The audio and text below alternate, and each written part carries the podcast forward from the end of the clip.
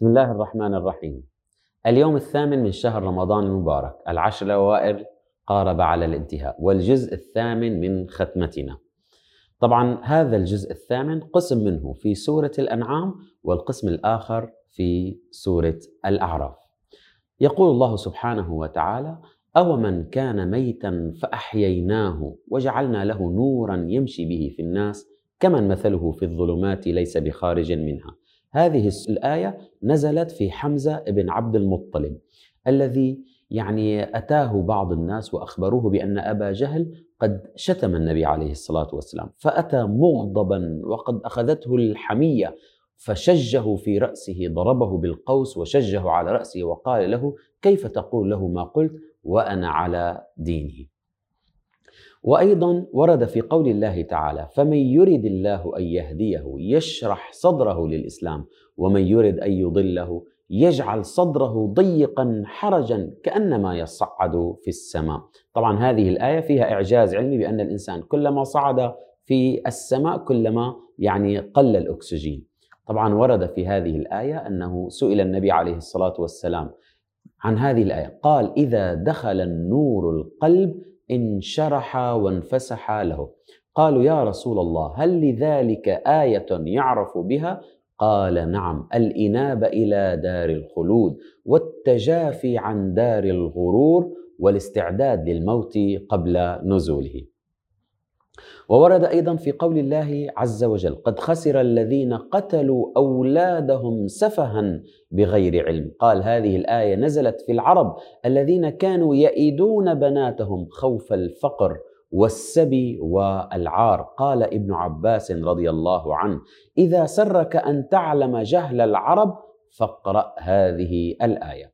وأيضا قال الله تعالى قل لا أجد فيما أوحي إلي محرما على طاعم يطعمه إلا أن يكون ميتة إلى آخر الآية. فهذه الآية تبين بأن التحريم لا يكون إلا بالوحي.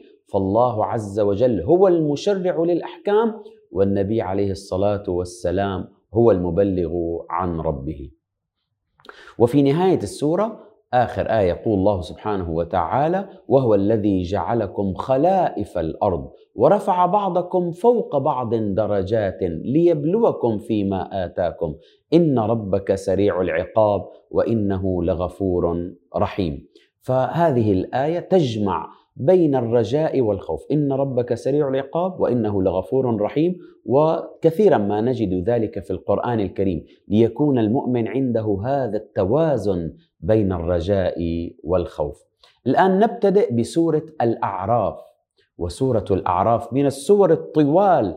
وكما بينا بأن الصور الطوال هي ثماني سور في بداية القرآن الكريم. وهي سورة مكية. والسور المكية كما نعلم بأنها تبحث في أمور العقيدة والإيمان باليوم الآخر وفيها قصص الأنبياء.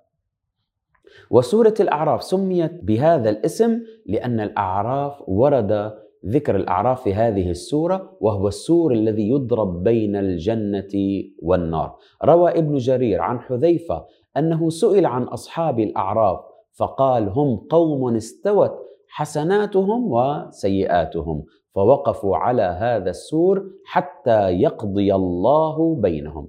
ورد في هذه السورة قصة آدم عليه السلام وإبليس الذي رفض السجود له ثم كيف وسوس له حتى أكل من الشجرة. قال الله سبحانه وتعالى ينزع عنهما لباسهما أي آدم وحواء ليريهما سوآتهما.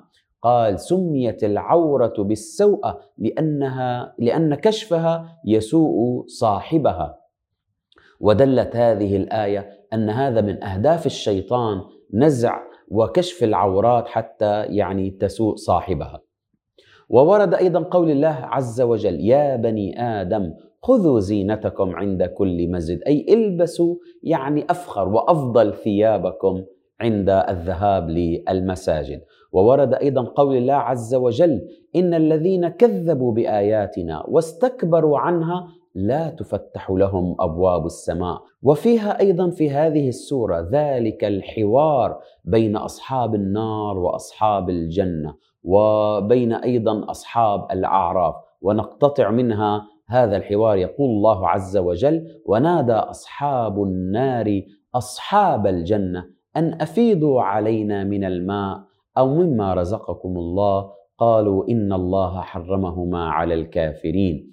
ثم قول الله عز وجل يعلمنا الدعاء حيث يقول الله سبحانه وتعالى ادعوا ربكم تضرعا وخفية إنه لا يحب المعتدين. أي ادعوا الله بتضرع بتذلل بخشوع بانكسار وبخفية.